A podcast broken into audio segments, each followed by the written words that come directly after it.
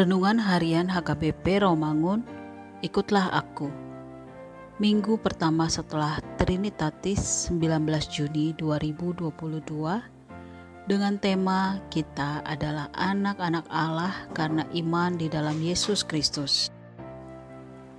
Bacaan epistel kita hari ini dari Yesaya pasal 65 ayat 1 sampai 9 dan bacaan evangelium kita hari ini dari Galatia pasal 3 ayat 23 sampai 29 yang berbunyi Sebelum iman itu datang, kita berada di bawah pengawalan hukum Taurat dan dikurung sampai iman itu telah dinyatakan. Jadi hukum Taurat adalah penuntun bagi kita sampai Kristus datang supaya kita dibenarkan karena iman. Sekarang iman itu telah datang, karena itu kita tidak berada lagi di bawah pengawasan penuntun. Sebab kamu semua adalah anak-anak Allah karena iman di dalam Yesus Kristus.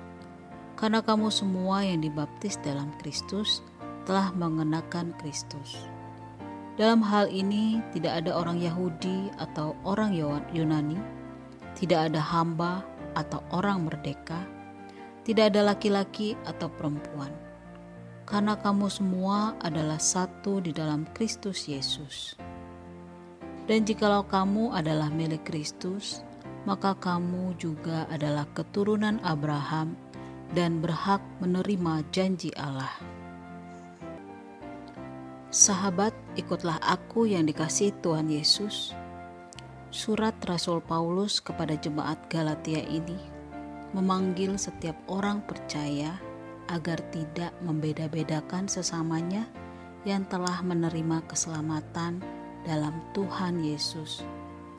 Di mana saat itu telah terjadi pembedaan antara orang Yahudi dan orang non-Yahudi yang mana kehidupan dan perilaku orang-orang Yahudi selalu terpusat atau berorientasi kepada hukum Taurat, serta menganggap hukum Taurat itu merupakan aturan yang utama dan terutama, sehingga menganggap orang-orang di luar Yahudi tidak menerima hukum Taurat sebagai orang yang najis.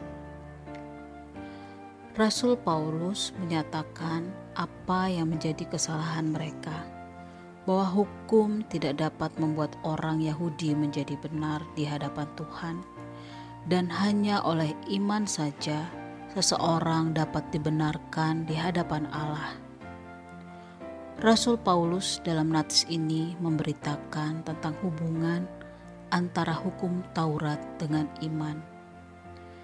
Di mana hukum Taurat itu hanyalah sebagai penuntun bagi orang percaya untuk mengenal apa yang dikehendaki Tuhan serta larangannya.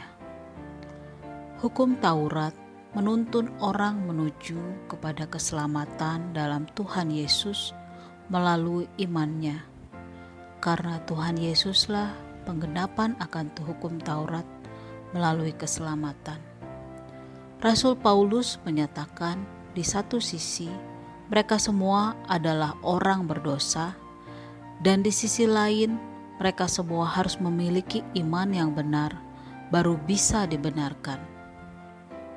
Untuk itu, kita sebagai orang yang telah menerima keselamatan dipanggil untuk tidak membeda-bedakan diri kita dengan yang seiman karena telah menerima keselamatan. Walaupun ada perbedaan ekonomi, pengetahuan, ras, bahasa, dan suku, tetapi tidak membuat kita berbeda di hadapan Allah.